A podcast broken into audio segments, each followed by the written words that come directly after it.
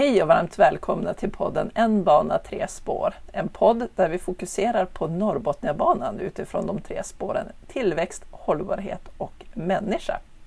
Mitt namn är Eva Lundqvist och jag jobbar som kommunikatör för Norrbotniabanegruppen och med mig så har jag Elisabeth Sinclair, projektledare för Norrbotniabanegruppen. Mm. Och I det här avsnittet så kommer vi bland annat att prata kring våra tre vanligaste frågor just nu. Blir det någon Norrbotniabana? När är den klar? Och kommer den nya regeringen att påverka projektet? Ingen rast och ingen ro. Så är det.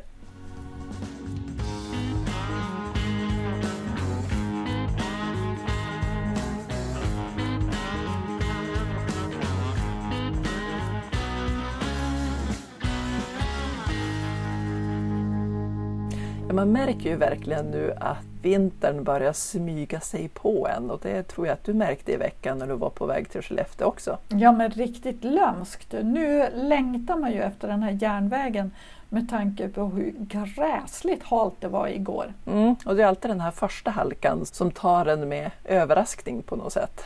Mm, så är det. Och just därför så tänker jag att vi ska blicka tillbaka lite grann till sensommaren i början av augusti närmare bestämt där vi medverkade på Stora Nolia i Piteå med en jättemonter. Ja, så var det. Riktigt roligt var ju att Trafikverket hade ju montern intill där de pratade om planeringen och eh, själva bygget. Medan vi i vår gigantiska monter fick prata om samhällsutvecklingen där fokus låg på resecentrum som är så otroligt viktigt för att vi ska få en funktionell och bra bana. Mm. För tillsammans med oss i vår monter så hade vi representanter från de fem kommunerna Umeå, Robertsfors, Skellefteå, Piteå och Luleå. Och eh, precis som du sa så var det som fokus på resecentrum och det kändes ju extra bra nu när vi var i Piteå faktiskt, för där har ju tongångarna varit höga kopplat till Resecentrums placering i centrala Piteå eller vid E4. Ja, här fick vi ju tillfälle nu att prata med allmänheten som hade frågor runt omkring det här. Det finns ju forskning och det finns ju framförallt erfarenhet av detta med att placera resecentrum utanför stadscentrum där man ser att eh, antalet eh, resenärer minskar med 30 procent om man lägger det utanför staden eller centrum i, i jämförelse då med att lägga det i mer centrala lägen. Som jag sa också, så det är ju otroligt viktigt att järnvägen blir så funktionell som möjligt för att den ska användas av eh, så många som möjligt. För det gäller ju nu liksom att, vad ska man säga, tjäna tillbaka det som samhället har lagt ner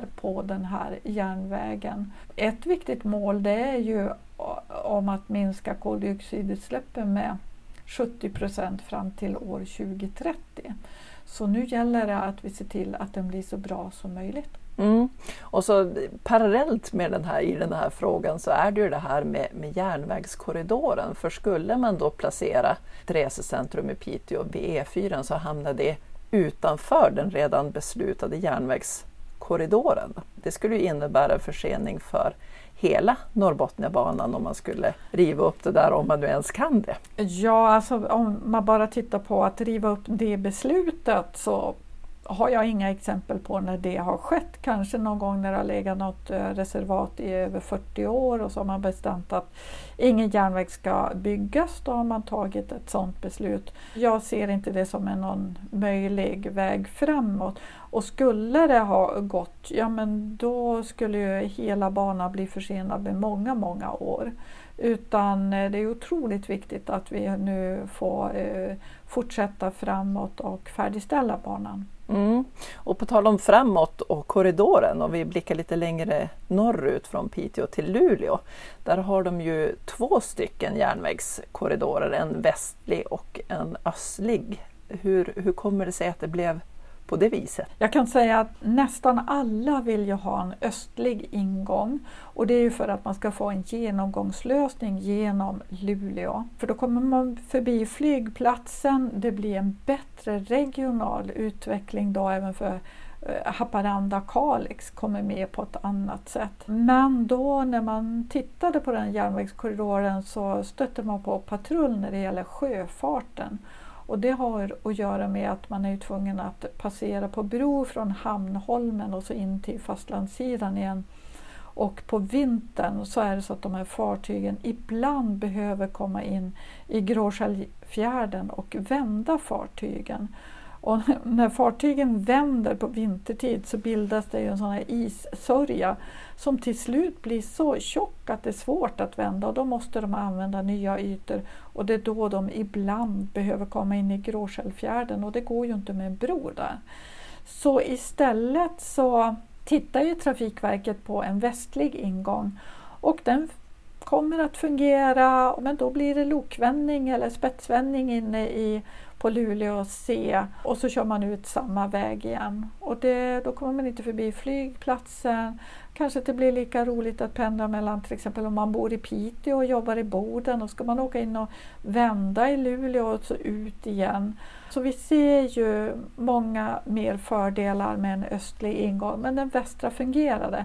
Men då 2011 så sa Trafikverket att eh, behåll båda järnvägskorridorerna. Tur som var kan man väl säga egentligen att eh, Trafikverket skrev också i sitt beslut att de tycker då, tyckte då att en regional intressentgrupp skulle driva på frågan om en östlig ingång där 2011. Och strax efteråt det där beslutet så började Trafikverket och Sjöfartsverket jobba med Malmporten och muddring för Malmhamnen och sen så när det arbetet var slut, för där hade man ju pratat om Norrbotniabanan så, men inte hittat någon lösning. Så 2019 då fångade ju Norrbotniabanegruppen upp den här tråden och sa att ja, men nu drar vi igång den regionala intressentgruppen. Vi fick ju då eh, möjlighet att leda det här arbetet. Och i den här gruppen så fanns ju Trafikverket med. Och Trafikverket kunde ju inte göra något eget sånt här arbete för de hade ju inget uppdrag och inga pengar för det. Men med vår hjälp och så satt ju alla kommunerna med, tjänstemän från kommunerna och så kunde vi öppna den här gamla järnvägsutredningen och titta på det som var föreslaget och titta på andra förslag på lösningar. Och vi vet ju hur komplicerat det är att komma in den östra vägen. Och sen eh, förra året då, i juli när vi började känna att vi hade kanske tömt ut det mesta av eh, förslag på lösningar så kom ju regeringens eh, uppmaning till Trafikverket att fortsätta komma igång med planeringen mellan Skellefteå och Luleå. Och så kan... En riktigt bra timing Ja, verkligen. För då kunde ju Trafikverket ta över den här utredningen och de kunde direkt gå på och börja titta på möjligheterna med en öppningsbar bro istället för att ägna de här åren åt att, att göra det vi nu hade gjort i den regionala intressentgruppen i två år. Så det känns jättespännande. Men vi vet hur fruktansvärt komplicerat det är. Mm, ja, det där får vi följa framöver. Men jag tänker lite senare i augusti, där, den 26 närmare bestämt och ganska så precis fyra år sedan efter första spadtaget så fick vi vara med på något riktigt stort. Ja, tänk att vi är där nu Eva, mm. att, att det läggs räls på Norrbotniabanan. Den första rälsläggningen och jag tänkte på vid första spadtaget då var Trafikverkets dåvarande generaldirektör Lena Eriksson med. Och nu vid första rälsläggningen så var den nya generaldirektören Roberto Majorana på plats. Och eh, du hade ju faktiskt fördelen att få träffa honom i ett möte innan det här eventet. Ja, en riktig förmån ska jag säga. För nu gäller det ju att, att eh, lära känna alla som är nya och det är många nya nu här i höst. Men Roberto eh, känns spännande på så sätt att han har ju lång erfarenhet inom transportbranschen både i Sverige och internationellt och, och har arbetat länge då inom SAS på olika eh, befattningar. Men sedan 2016 så har han ju varit chef över ett av Trafikverkets verksamhetsområden som heter Trafik. Men nu kliver han alltså upp och blir generaldirektör och ska leda hela myndigheten med, vad är det, vad är de, runt 10 000 anställda. Ja. ingen, ingen liten myndighet det där. Nej, med på samma möte så var det ju representanter bland annat från Bottniska korridoren. Vilka fler var med där? Ja, vi hade ju med oss eh, VDn på Norrbotniabanan AB, Gusten Granström och vi hade eh, VDn för Nya Ostkustbanan och det är ju dubbelspår mellan Härnösand och Gävle. Hon heter Ingela Bendroth. Och så hade vi med oss Lotta Rönnström från North Sweden och Henrik Fuchs från Bottniska korridoren. Så här gjorde vi gemensam sak. Men det var ju ett tillfälle att träffas och presentera oss för varandra. Mm. Om vi då tänker tillbaka till den här rälsdragningen och Trafikverkets GD, han höll ju ett tal där. Vi kanske ska lyssna lite på det? Ja. Det är ett stort, omfattande och omsorgsfullt arbete som ligger bakom att vi nu kan lägga första rälsen för Norrbotniabanan. Och vi har ju också ett spännande arbete framför oss. Snart kommer vi påbörja bygget för flera delar av sträckan mellan Dova och Skellefteå. Samtidigt startar vi upp en planeringsfas för den norra delen av sträckan mellan Skellefteå och Luleå. Och vi kommer att arbeta intensivt längs hela sträckan för att den här viktiga satsningen ska bli verklighet. Men nu står vi här. Och det gör vi för att markera ett historiskt ögonblick och det känns både stort och viktigt. Och det är just den här banan som vi lägger första rälsen för nu. Som kommer att säkerställa att de generationer som kommer efter oss kommer att kunna resa smidigt, grönt och tryggt minst 100 år fram i tiden. Och att vi nu lägger den första rälsen för Norrbotniabanan är en viktig milstolpe och det talar sitt tydliga språk. Arbetet är i full gång och det är nu det händer. Tack så mycket. Ja, det är nu det händer. Ja, men så sant, så sant. Och tänk att vi fick vara med på den här historiska dagen. Det är ju faktiskt så att det här inkopplingen av den här växeln, det har ju planerats flera år i förväg. Vilken man måste göra på Trafikverket för att få tider i spår. Så det här var ju ingenting som nu fixar vi lite rälsar på backen och så fixar vi, gör vi ett litet event idag. Nej, väldigt lång planering för att få till det här. Ja, och det märkte man ju av på plats också. Det var ju väldigt ordning och reda var när man skulle gå över det befintliga spånet, spånet, spåret, det är väl Vännäsbanan? Ja, precis. Som går där när vi fick tillåtelse att gå över och sådär. Det är inte så bara att ha ett event bredvid en järnväg. Nej, så är det. Jag, jag vet inte vad, om det var att det blåste lite den där dagen. Det var ju väldigt vackert väder men blåsigt. Men man vart lite tårögd. Ja, verkligen. Och fint väder har vi varje gång det är sådana här event. Första spadtaget och nu det här. Det är fantastiskt. Ja, men eh, jag undrade var vår allvetande lokförare var. Han ska väl också vara på plats? Det hade han sagt i alla fall. Attans! Elisabeth och Eva, jag fick kedjebrott på min dressin på väg till rälsläggningsceremonin. Men jag hann i alla fall kasta mig på godståget i Brännland. När godståget passerade platsen för eventet hann jag se hur den gula maskinen lyfte betongslipers på plats.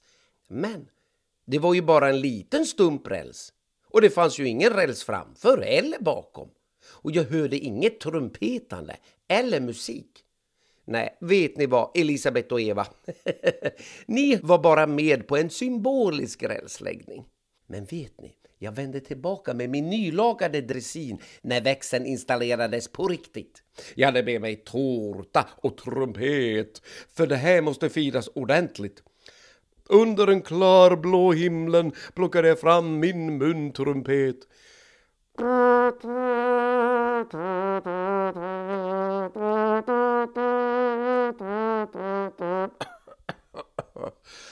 alltså att för drygt hundra år sedan så byggdes stambanan genom övre Norrland. Den kopplades sedan ihop med Vännäsbanan och nu kopplas Norrbotniabanan in i systemet. Vilken historisk dag! Jag tar en trudelutt till. Och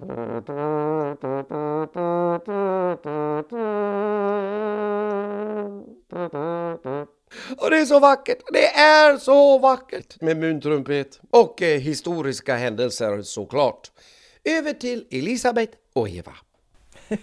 Så vackert och vilken muntrumpet! Det där skulle man vilja klara av att göra. Det där hade jag velat se. Ja, det också, verkligen. Om jag eh, kastar oss tillbaka till Nolia igen så tänker jag på den vanligaste frågan som vi fick där och som vi egentligen alltid får, förutom även Nolia, är ju när blir banan klar? Ja.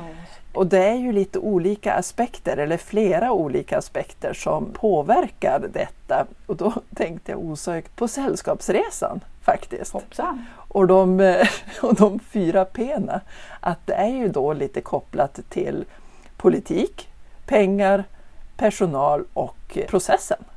Ja, men det, det var ju faktiskt ganska fyndigt. Men äh, ja, nationella infrastrukturplanen den handlar ju både om ja, egentligen politik, och Trafikverket och pengar. Så, trafikverket är ju inte direkt politik. Det är ju så att den nationella infrastrukturplanen styr ju egentligen allt. Där finns ju hur mycket pengar som är avsatt och för Norrbotniabanan är det ju nu avsatt 15 miljarder av 40 ni som tidigare har hört att vi har sagt att Norrbotniabanan kostar 30 miljarder. Jo, det var räknat i 2014 års penningvärde. Men nu är det omräknat till 2022 års penningvärde och då är det 40 miljarder. Så vi har 15 miljarder i planen. Hela banan finns med och det är en förutsättning för att man ska kunna bygga. Men de här pengarna de är också har man ju lite grovt sagt när man ska kunna nyttja dem. När man tittar på nationella transportplanen och vad EU säger till exempel, att allting ska stå klart 2030 och den nationella transportplanen, där finns det inget målår. Det kan ju bli hur rörigt som helst. Men man måste som trycka från alla håll för att den här banan ska falla ut i sin fulla längd. Vi kan väl säga där till exempel då sträckan Dova-Skellefteå där står i nationella infrastrukturplanen att pengarna kommer att släppas då 2026 om jag minns rätt. Och då kanske vi har lagat kraft redan på, på planerna ett eller ja, drygt ett år tidigare. Ska vi då bara sitta och vänta? Nja då har ju Trafikverket varit hos regeringen och sagt att Norrbotniabanan är ett väldigt moget projekt. Och det här kan vara så att vi kommer igång tidigare. Är det okej okay då för regeringen och den förra regeringen har sagt att det är okej okay om den bygget startar en till två år tidigare. Så det kan vi väl säga om den nationella infrastrukturplanen om politik och pengar. Hur var det med de andra P då?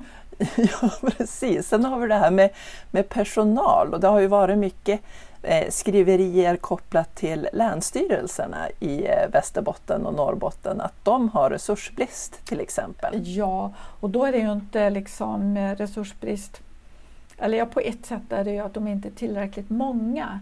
Då har ju regeringen beslutat att när, och det står ju i den nationella infrastrukturplanen, att när det blir så här stora infrastrukturprojekt då ska länsstyrelserna få mera pengar för att klara av handläggningen av alla miljöärenden och det har regeringen skjutit till mer pengar för. Däremot har man inte skjutit till mer pengar om det gäller arkeologiska utgrävningar. Så det får vi se hur det blir med det. För där har vi ju också en resursbrist på arkeologer vad jag förstår. Så det är ju inte alls något lätt.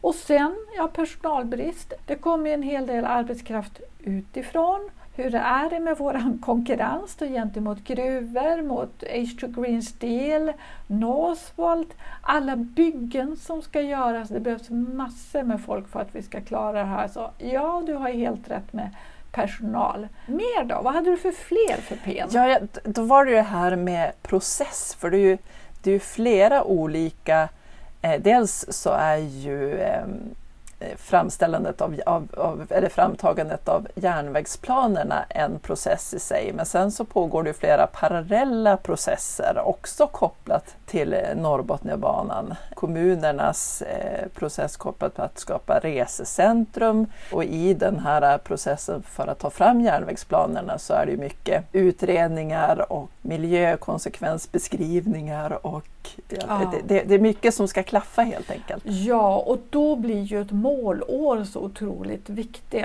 för kommunerna. Jag tycker det är klokt av Skellefteå kommun att säga att vi ska inte bygga några resecentrum som ska stå tomma i flera år utan det ska stå klart när järnvägen är klar. Ja, när är järnvägen klar? Ja, vi har Exakt. inget målår ännu. Det är viktigt för regionerna, de sitter ju på de regionala transportplanerna och förstår jag det rätt så är liksom kollektivtrafikmyndigheterna behöver också veta när trafiken ska dras igång. Och sen så har vi ju då operatörerna till exempel där Norrtåg är ju inne i en process att handla upp de nya tåg som bland annat ska gå på Norrbotniabanan. Och sen så har vi då som jag sa tidigare i den andra änden då EU som säger yes, det europeiska stomnätet för järnväg ska stå klart 2030. Och kommer vi att klara det? Vi vet inte. Och, eh, det, är, det är ett tufft läge att inte ha målår. Mm. Det är ju lite grann därför det figurerar lite olika datum, och, eller inte datum, men år när Norrbotniabanan ska stå klart. Men det är ju lite grann beroende på de här fyra P'na, att, och att det ska synkas ihop. Mm. Men jag tänkte att du har ju jobbat tidigare med Botniabanan. Fanns det något målår när du, när du var inne i den processen? Ja, det gjorde det. Och då var det ju så att Botniabanan byggdes ju med lånade pengar via Riksgälden. Och därför så, i och med att man har alla pengar, det skulle vara likadant om Trafikverket hade alla pengar idag, då kan man sätta ett målår. Sen kom ju under bygget av Botniabanan så kom ju den, nya, den då nya miljöbalken och man var tvungen att ta höjd för den. Då såg vi att eh, från, jag tror att det första målåret det var kanske 2006 och sen flyttades det till 2008 och sen så blev det 2010. Jag kommer inte ihåg vilka årtal som man kommunicerade utåt utan man försöker liksom att inte varje vecka säga något nytt eh, årtal för öppningen. Men i och med att man har alla pengarna, då kan man börja titta på målår. Sen kan det ju hända saker på, under resans gång som gör att man måste skjuta på det. Men det blir en mycket, tycker jag i alla fall, bättre process när man har Okej, okay, där är målåret. Oj, här kommer vi till ett liten tröskel. Hur tar vi oss över den? Håller målåret och så vidare. Men nu är det som att allting flyter. Ja, vi pratade ju tidigare, på tal om målår, där om eh, 2030 och EU. Och du tog ju faktiskt tåget till Bryssel här i september. Ja, tänk att det går. Och tänk att det gick så bra. Men jag rekommenderar att boka plats på tåget. För Jaså? det var ju något som eh, jag vet inte, resebyrån inte tyckte jag behövde. Men då blir man ju som en biljardboll. Så här, ursäkta, jag har bokat plats. Och så fick man byta och byta. Och, men jag slapp i alla fall att sitta på klappstolarna med cyklarna och eh, surfingbräda under knäna. Så när jag kom till Hamburg, som är en fantastisk fin eh, station, ett stort välvt tak och jättemånga plattformar och går man upp en trappa så finns det många små kaféer och jag hade drömt om att få sitta där igen och ta en kopp kaffe och en croissant eller något gott. Istället så stod jag inne på Deutsche Bahn för att få mig en platsbiljett för resterande äh, resa. Men det gick jättebra alltså att komma fram och sen när jag kom fram till Bryssel så eh, jag, jag skickar en tacksamhetens tanke för, till vår tidigare medarbetare Mona Mansour som har lärt mig allt om tunnelbanesystemet i Bryssel. Så jag bara swish, swish, swish och så var jag på hotellet. Fantastiskt eh, bra. Ja, det, där, det där med platsbiljetter har jag funderat på att det borde i sådana fall vara några dedikerade platser som inte är bestämda. Precis som du, som du beskriver här så, så är det både bokade platser och icke bokade platser. Men eh, man får ju eh, tillfälle att prata med folk om inte annat. Ja, jag fick prata med konduktören för när jag sen hade bokade platser då var det ju folk som vägrade att lämna den platsen jag hade bokat. Så, ja, men det var verkligen ett biljardsystem. Måste Ja. jag säga. Vad var det för möten du skulle på i Bryssel? Jo, det var de mötena som kallas för Stomnätskorridorsforum. Och det var våran korridor, alltså Skandinavien eh, Medelhavet som vi eh, förkortar ScanMed och eh, med deras ordförande då Pat Cox, våran kompis får vi väl säga. Och den här gången så var det också ett korridorforum för North Baltic som går, eh, vad ska man säga, den heter ju Nordsjön Östersjön. Och eh, den går ju då, kommer från Tallinn, går över till Helsingfors och fortsätter hela vägen upp till Torneå och sen till Luleå. Så vi har ju som vi har sagt förut en gränsövergången då där Scanmed går till Kiruna, Narvik och eh, Haparanda, Uleåborg. Så att vi har ju två stycken stomnätskorridorer som omfamnar våran gränsövergång Haparanda-Torneå. Och mitt i den där famnen lite söderut så ligger ju Luleå hamn som också är en hamn. Men vi hade, jag fick i alla fall möjlighet att eh, vara med på det här eh, korridorforum då för Scanmed. Och då är det ju sju länder som sitter med representanter i en eh, större konferenslokal. Och där går man igenom aktuellt läge för de olika länderna, vilka projekt de har igång, hur det går för dem. Och från Sverige den här gången så fanns ju Västlänken med och presenterade sig så att eh, det var spännande att få höra. Mm. Och som jag förstår det så, eh, så var världsläget och Ukraina väldigt högt på, på agendan. Ja, varje möte börjar med en kort beskrivning av läget i Ukraina och man har ju gjort eh, några, kommer jag inte ihåg riktigt vad de heter, men det är paket eh, med hjälp då till Ukraina. Det här kan ju påverka oss i längden, för jag hörde på radion häromdagen att de här pengarna börjar ta slut i EU och hur ska man hjälpa till då? Tidigare, alltså för en eh, 6-7 år sedan, så var det andra stödåtgärder som gjordes och då tog man bland annat pengar från infrastrukturen. Jag vet inte om det kommer att ske den här gången för Pat Cox var väldigt noga med att säga att eh, det är hur viktigt som helst för Ukrainas skull att vi bygger färdigt det europeiska stomnätet för järnväg, eh, i, i vårt fall då järnväg. Jag hoppas att, att vi ska kunna hålla fokus och hålla full fart då för att färdigställa det här nätverket. Cox påmindes ju även om eh, sina minnen från Kiruna vet jag att du berättade. Ja, Pat Cox han sa, eh, och det var lite senare samma dag, då hade vi ordnat ett eget runda bordsamtal. Och dit kom han tillsammans med Katerin Treutman som är då ordförande för Nosi Baltic. Men han sa att han tyckte att det var jättetrevligt att träffas igen, för vi har inte träffats sedan pandemin. I alla fall inte jag, jag var ju sjuk när vi, det var TNT-dagarna i Lyon. Nej, jag är inte bitter. Nej. Men i vilket fall som helst så, så sa han då att det var fantastiska dagar som han hade haft. En ögonöppnare att komma upp till Luleå och Kiruna och se allt som var där. Men han sa också att det var en dörröppnare för det framgångsrika arbete som vi ser effekt av nu med alla våra projekt som dras igång, med Scanmed-korridorens förlängning och så vidare. Han sa någonting som jag tyckte var väldigt klokt. Han sa att det här bevisar att sånt här arbete tar tid, men det är väldigt effektivt. Mm. Mm. Det lät klokt, det... man får låta det sjunka in det där. Ja, precis. Det är inte så lätt att vända en atlantångare med paddlar.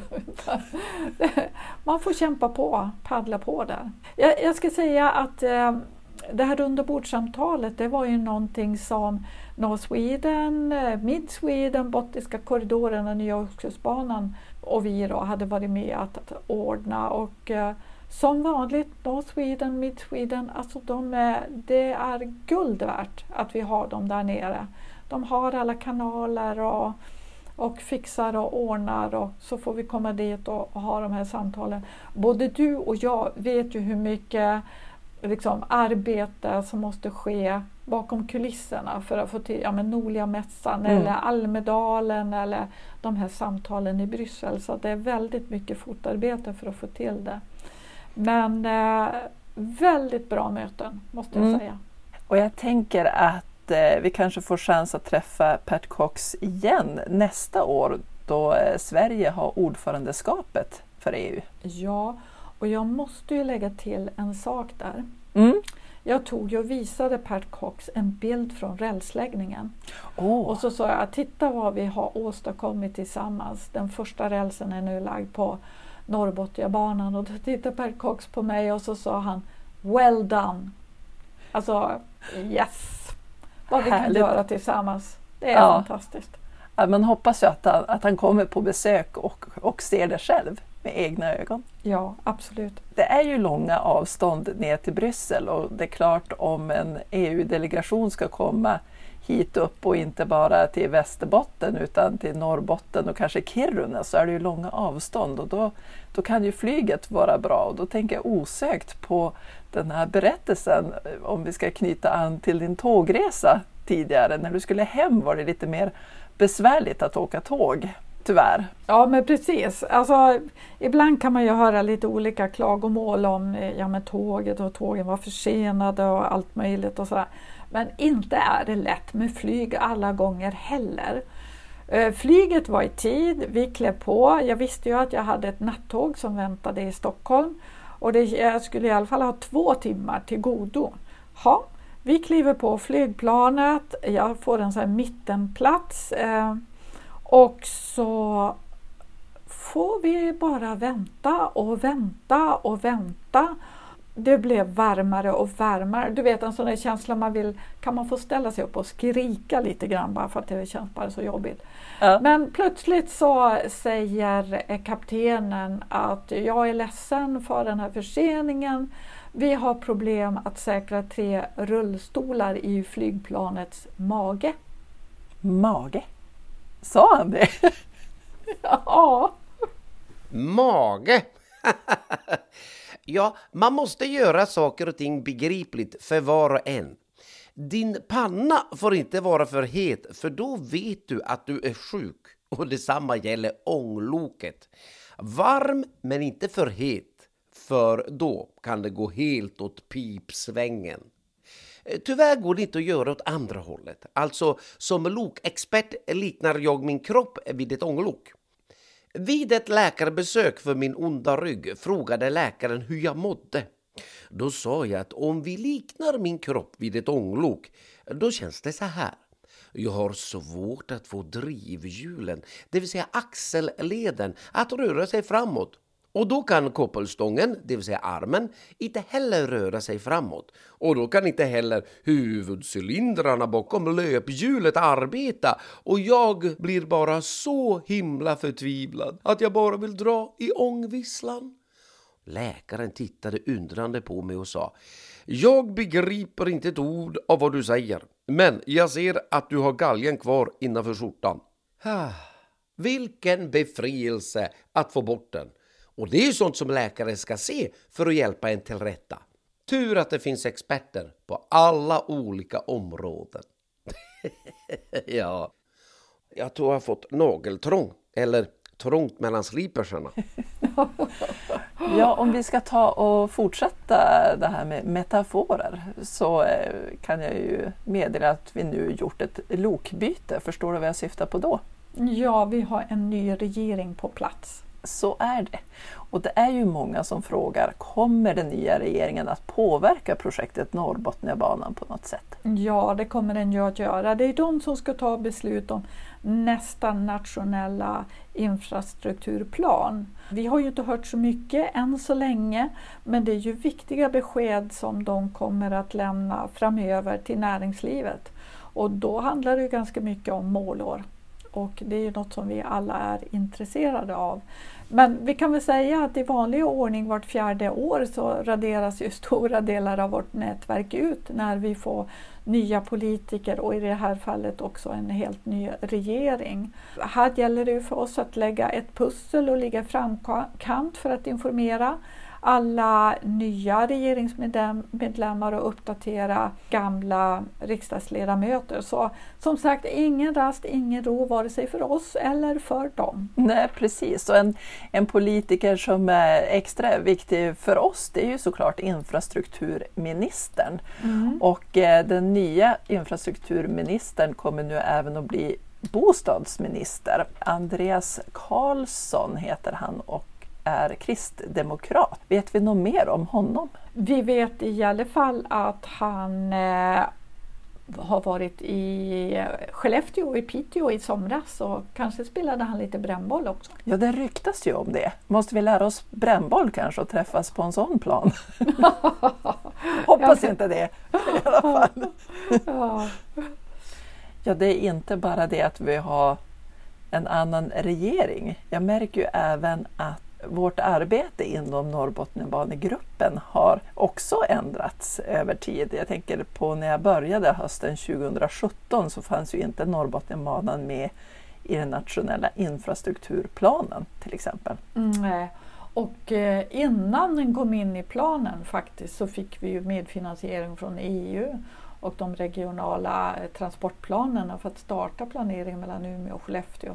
Och sen något år senare, ja men då kom den in i den nationella transportplanen som från 2018 till 2029. Så fortgår det ju. Men nu har vi jobbat så länge med det här så att vi vet att alldeles snart så börjar återigen processen för nästa nationella infrastrukturplan. Kanske regeringen ger ett eh, direktiv till Trafikverket till våren och så är vi igång igen. Vi vet också att eh, i EU så håller man på att se över det europeiska stomnätet för järnväg, det som kallas Trans-European Network TN tror jag det heter. Och eh, där så North Sweden jobbar med eh, att skicka in remissvar och hur ser vi på de förändringar som föreslås och vad vill vi själv se i det kommande arbetet. Men nu så blir det ju också viktigt för oss att kunna stötta kommunerna norrut när planeringen drar igång och se till att erfarenhet från den södra delen förs över till den norra delen. För alla har fullt upp och det här är ett jätteviktigt arbete där vi kan vara behjälpliga. Mm. Och det är ju lite grann sådär, jag tror vi har nämnt det tidigare, det här med att på, på utsidan kan det som nå uppfattas ibland att det inte händer någonting. Men jag kan ju känna mig lite stressad. Hinner vi verkligen med att få Norrbotniabanan på plats så fort som vi verkligen vill? För man förstår att det är så mycket olika delar som, som ska klaffa och som ska fungera. Ja, och, och jag tänker också att det är så otroligt mycket folk som arbetar med Norrbotniabanans tillblivelse. Och här, om någon tycker att det kostar mycket pengar så kan jag säga att i perspektivet med 40 miljarder så är det en spottstyver. Det viktiga är att vi får igång banan så fort som möjligt och börjar nyttja den till max. Så att där ligger väldigt mycket vårt fokus. Men kul är det, väldigt roligt. Mycket. Vi pratade ju som sagt om rälsläggningen tidigare i det här avsnittet och till det har du faktiskt redan skrivit en blogg på norrbotniabanan.se om ni vill gå in och kika både på intervjuer och filmer från talen från den dagen. Och sen så kommer det kompletteras med en blogg även kopplat till det här avsnittet. För det har ju varit en hel del eh, prat om EU och korridorer. Ja, men som vanligt inte kanske alltid så lätt att hänga med i de olika turerna och, och varför allt hänger ihop eller hur allt egentligen hänger ihop. Så att, eh, det kanske klarnar om man läser i, i bloggen och där finns det då även länkar till bland annat North Sweden European mm. Office som är nämnt tidigare. Har du några frågor kring det här avsnittet eller något annat kopplat till Norrbotniabanan så får du hemskt gärna mejla till oss på info.norrbotniabanan.se. Det tror jag var allt för den här gången, eller vad säger du? och så hoppas vi att vi har lika mycket att berätta nästa gång. Det tror jag säkert. Ha det gott allihop! Hej då! Ha det bra! Hej då!